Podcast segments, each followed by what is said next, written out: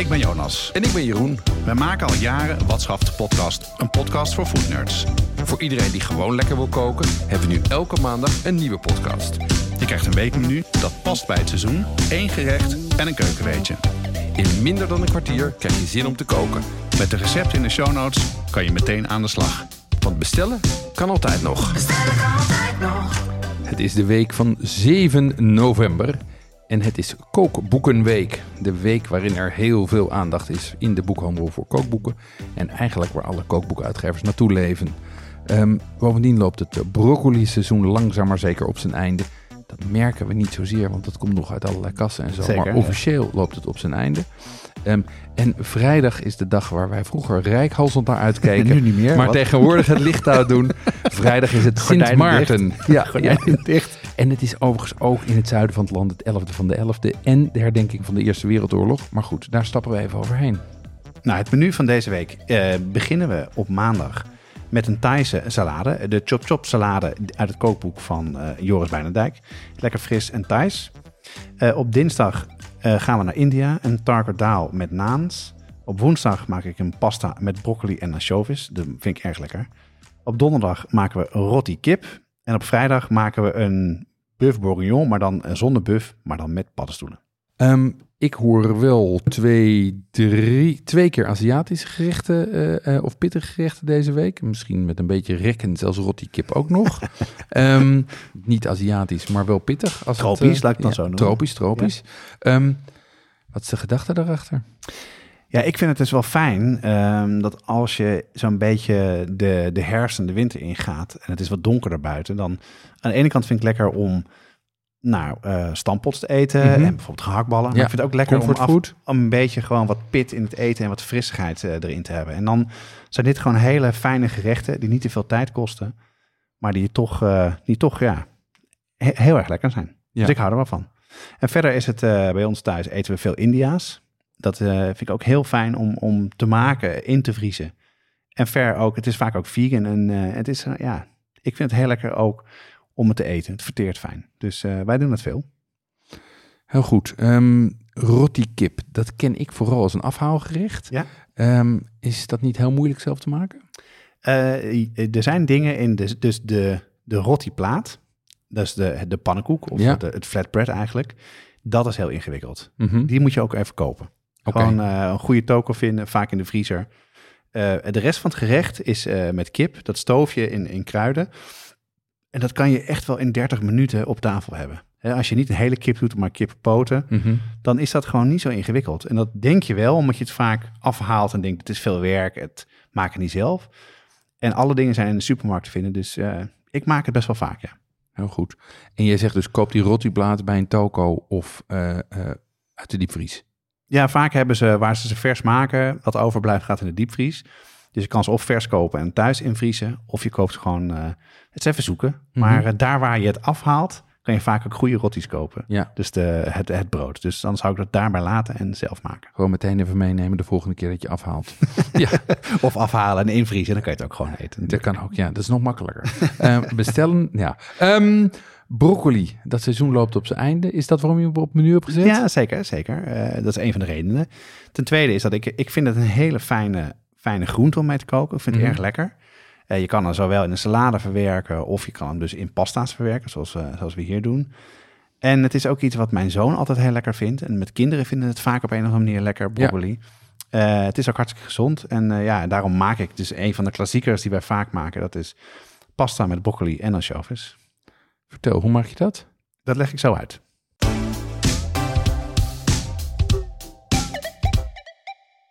Tobanjan en tamarindepasta, Carnaroli rijst en de juiste tahini. yuzu sap en panko.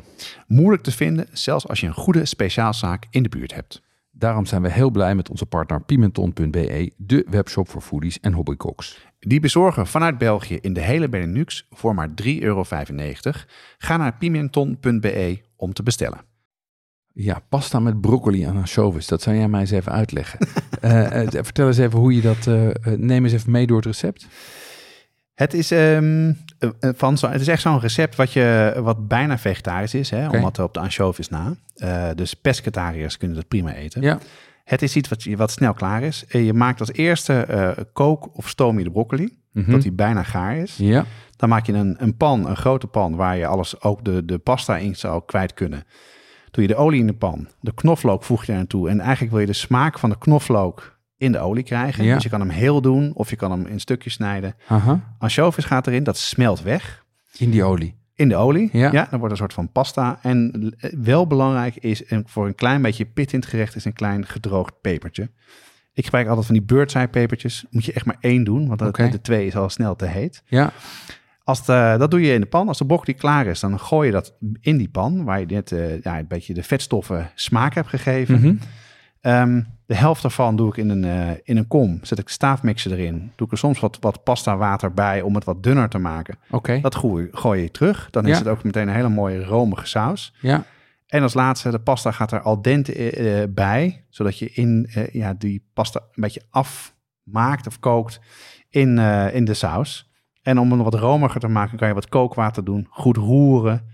Dat heet op zijn Italiaans een mantecatura. Dat is eigenlijk het romig maken van de saus. En dan wat kaas erbij en dan opeten. kaas, mag dat met ansjovis? Van jou niet.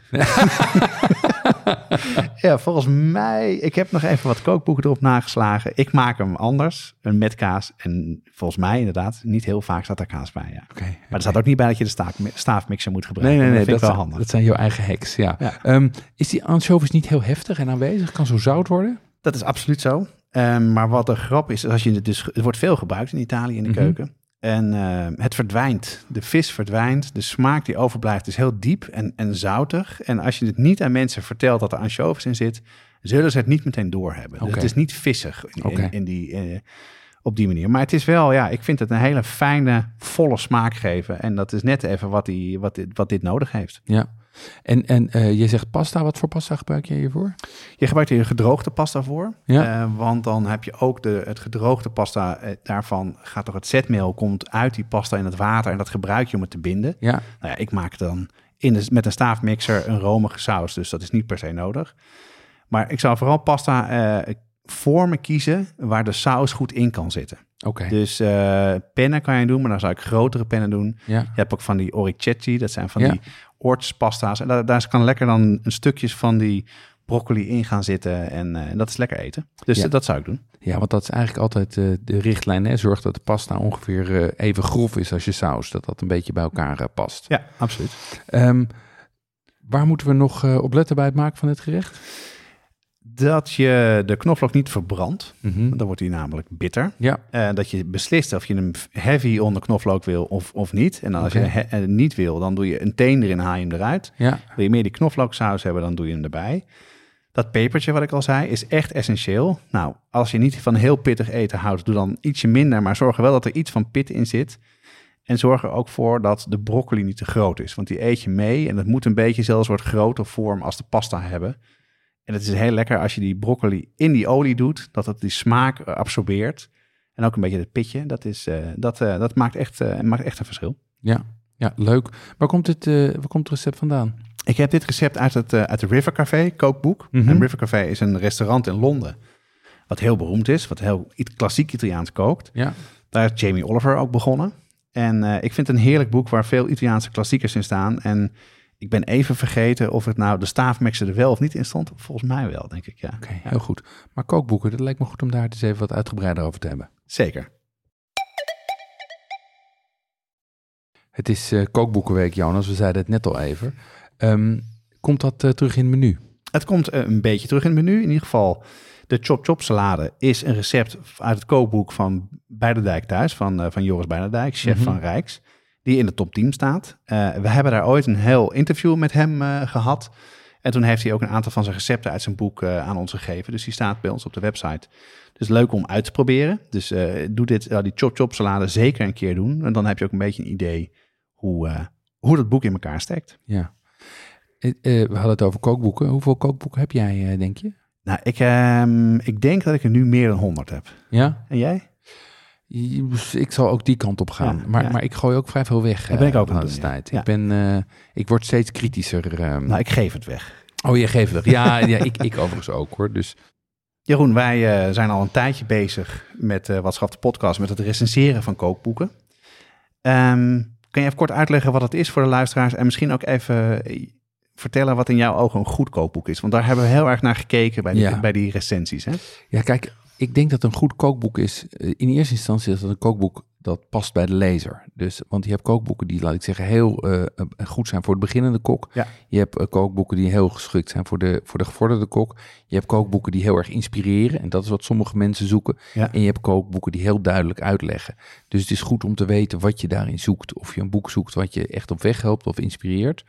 Ehm, wat wij verder belangrijk vinden is dat het, dat het kookboek, ehm, dat- wat sowieso natuurlijk essentieel is, dat de recepten kloppen. Ja. Die goed geschreven zijn en dan in een goed, en dat moet ook weer bij je passen, want dat moet een goede balans zijn tussen uitgebreid uitleggen, stap voor stap wat je doet, of hele korte samenvattingen.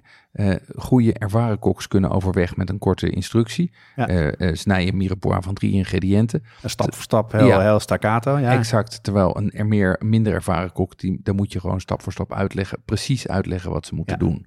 Dus dat is belangrijk.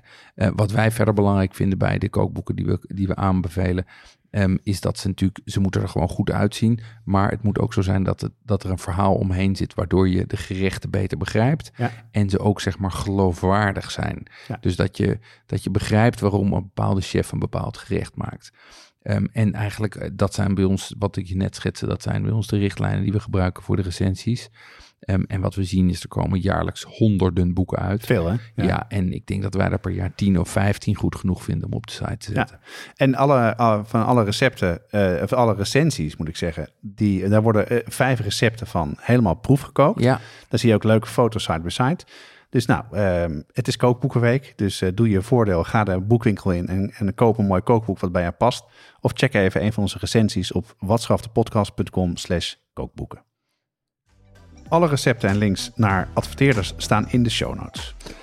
dit is een productie van Watschap de Podcast. Als je wil adverteren, mail dan naar adverteren.watschappdepodcast.nl. Maandag zijn we weer met een nieuw menu, een nieuw recept en een keukenweetje. Want ook dan geldt, bestellen kan altijd nog.